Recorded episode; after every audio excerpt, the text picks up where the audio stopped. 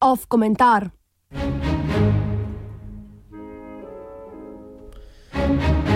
Protislovja Evropskega združevanja.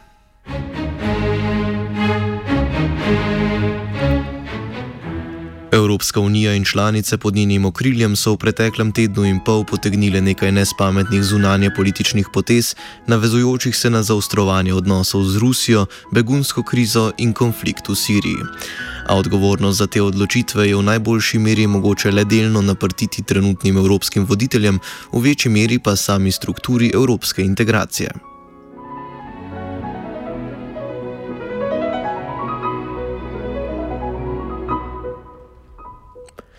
Pojdimo po vrsti. Prva geopolitična kriza, ki je resno prizadela Evropsko unijo, je bila ukrajinska kriza, ki je tudi razgalila prvo strukturno pomankljivost evropskega združevanja.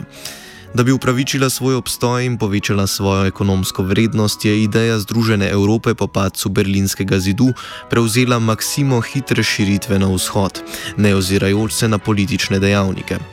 Brez opredelitve, kdo spada v Evropo in kdo ne, lahko ugotovimo, da je Evropa kot geopolitična tvorba prehitro širila svoje interesno območje, da bi lahko obranila svoje jedro. Posledično je Ukrajina de facto še vedno pod močnim ruskim vplivom, spadala tudi v interesno območje Evropske unije in ukrajinska kriza je postala tudi evropska. Tako smo nasedli igri Združenih držav Amerike, ki so s podpihovanjem krize dosegle zaustritev odnosov med Evropsko unijo in Rusijo in delen odklop Evrope od ruskega plina. Evropska unija je, neposredno v svojo škodo, prekinila projekt plinovoda Južni tok, ki bi južno in jugovzhodno Evropo oskrboval z ruskim plinom.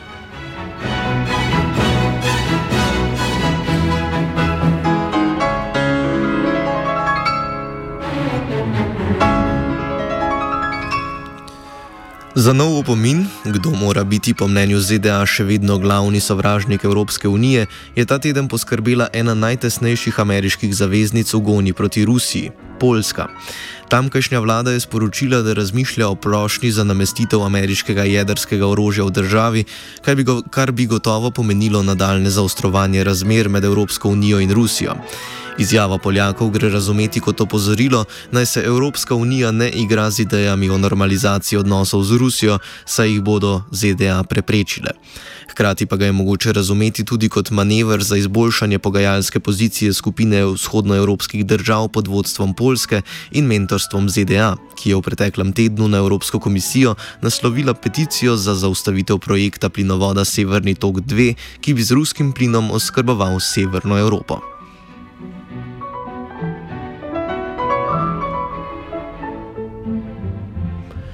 Še preden se je Evropska unija izvlekla iz ukrajinske krize, jo je doletela begunska kriza, ki je razgalila nove pomankljivosti evropske integracije. Temelj evropskega združevanja je enoten trg, ki je z desetletji prinesel popolnoma prost pretok, pretok blaga in v šengenskem območju tudi prost pretok ljudi.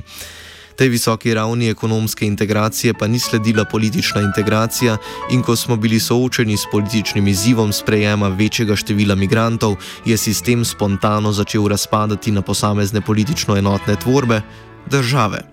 Da se Unija ne bi popolnoma razdrobila, je rešitev začela iskati v zunanjem podizvajalcu, ki bi migransko krizo rešil na mesto nje. In našla je Turčijo. thank you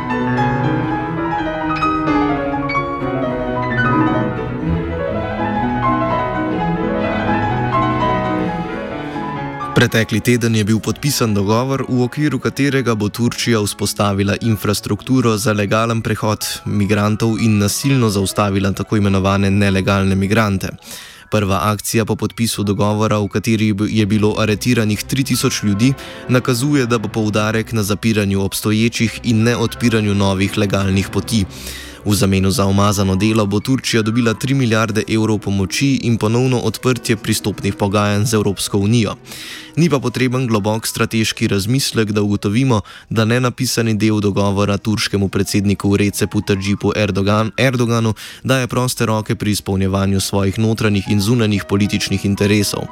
S tem je Evropska unija zopet nasedla igri nekega drugega igralca, tokrat nepredvidljivega in avtoritarnega Erdogana. Erdogana, ki je vmes že izvedel invazijo na sever Iraka, ki je domnevno upleten v trgovino z nafto iz islamske države, ki Turčijo oblikuje po svojih interesih in ki mu je v interesu izredno stanje.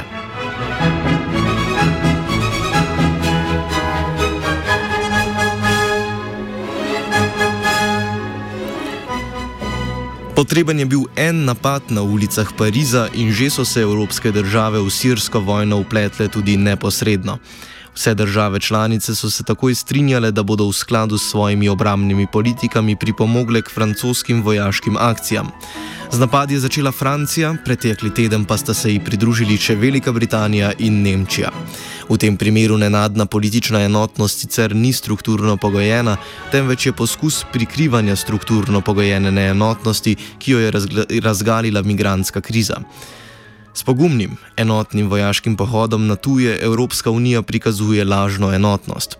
Izjema pri razkazovanju domnevne enotnosti je Italija, katere premijer Matteo Renzi je jasno povedal, da se njegova vlada v konflikt z nejasnim razpletom, ki bo po vsej verjetnosti le priliv olje na ogenj, ne bo umešavala.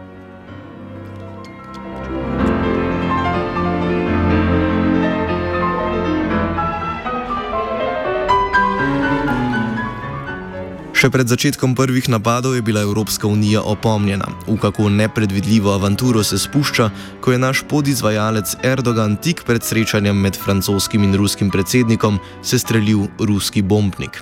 Sestrelitev je ponovno otežila kakršnokoli sodelovanje z Rusijo, ki je v odziv prekinila tudi nadaljevanje projekta plinovoda Turški tok tistega plinovoda Turški tok, ki bi nadomestil zaradi ameriških interesov prekinjeni Južni tok. Evropa je zopet potegnila takrat, izpolnjen pa je bil interes ZDA.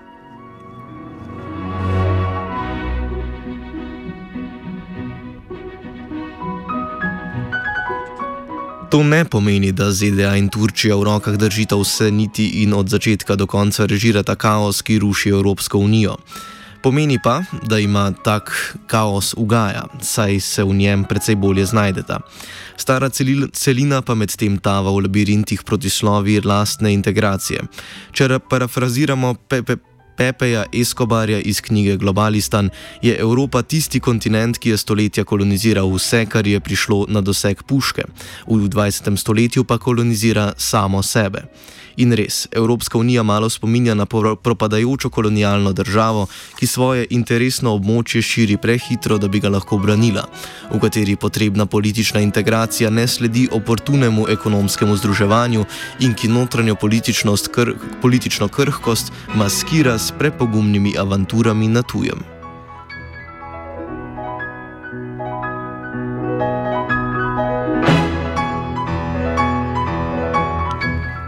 Komentiral je Twitter.